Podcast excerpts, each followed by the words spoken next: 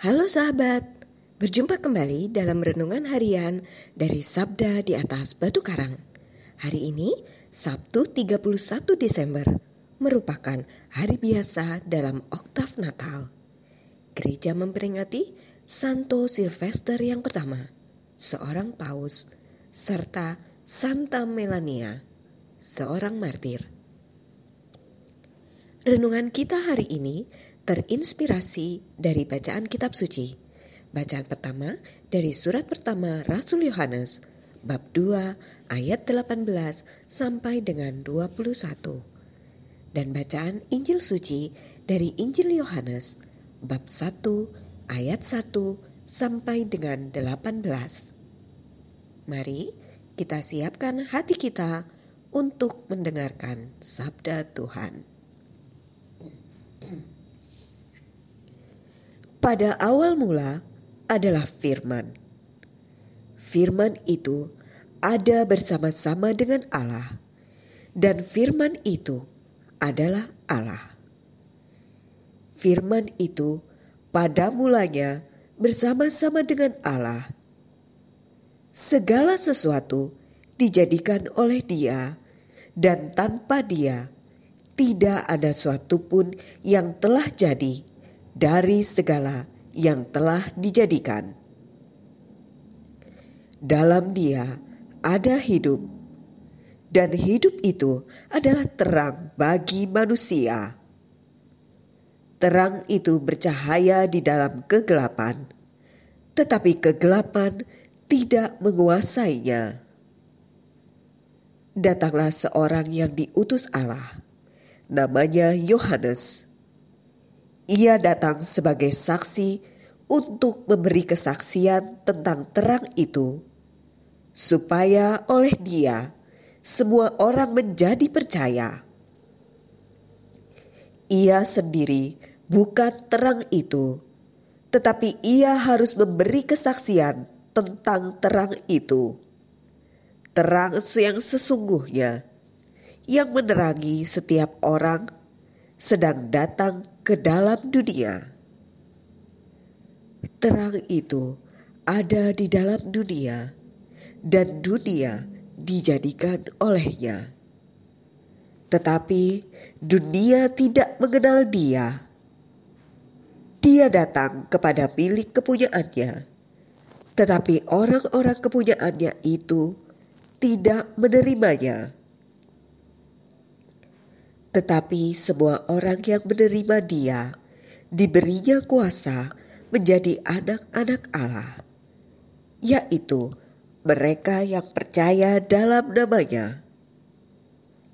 Orang-orang yang diperanakkan bukan dari darah atau daging, bukan pula secara jasmani oleh keinginan seorang laki-laki, melainkan dari Allah firman itu telah menjadi manusia dan diam di antara kita.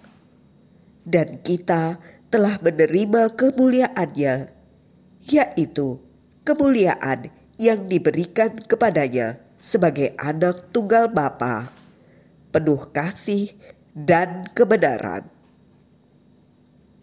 Tentang dia, Yohanes memberi kesaksian dan berseru, Inilah dia yang kumaksudkan ketika aku berkata, sesudah aku akan datang dia yang telah mendahului aku, sebab dia telah ada sebelum aku. Karena dari kepenuhannya, kita semua telah menerima kasih karunia demi kasih karunia.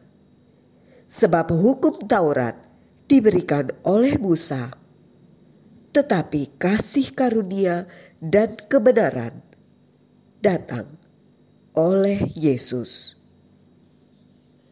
Tidak seorang pun pernah melihat Allah, tetapi Allah, tunggal Allah yang ada di pangkuan Bapa.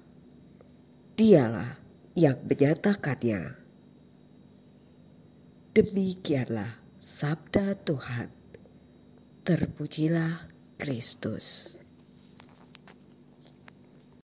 Saudara-saudari yang terkasih, dalam banyak hal, misalnya peradilan, perdagangan, dan lain-lain, sering diperlukan suatu kesaksian atau testimonial. Tujuannya tentu agar suatu peristiwa, produk, atau kompetisi diri seorang itu semakin jelas mutunya dan dapat kita percaya. Bagaimana dalam hal yang menyangkut iman? Bacaan Injil pada hari ini tentang kesaksian Yohanes Penginjil tentang jati diri Kristus. Yohanes Penginjil menyampaikan kesaksian imannya akan Yesus, Sang Firman yang menjadi manusia dan tinggal di antara kita. Tujuan dari kesaksiannya itu agar kita dibimbing untuk percaya pada pribadi Yesus yang sungguh Allah, sungguh manusia. Saudara-saudari yang terkasih, sebagaimana jika kita membaca atau mendengar pernyataan kesaksian atau testimonial, maka kita pun akan memiliki wawasan sehingga kita mampu membuat keputusan secara tepat. Sabda Tuhan hari ini meneguhkan iman kita akan Yesus Kristus yang adalah anak Allah yang kekal. Dan ia adalah Sang Mesias, Juru Selamat kita.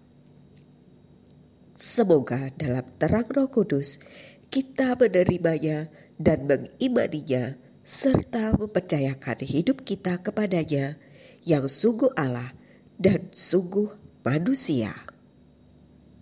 Ya Yesus, kuatkanlah imanku akan dikau. I'll be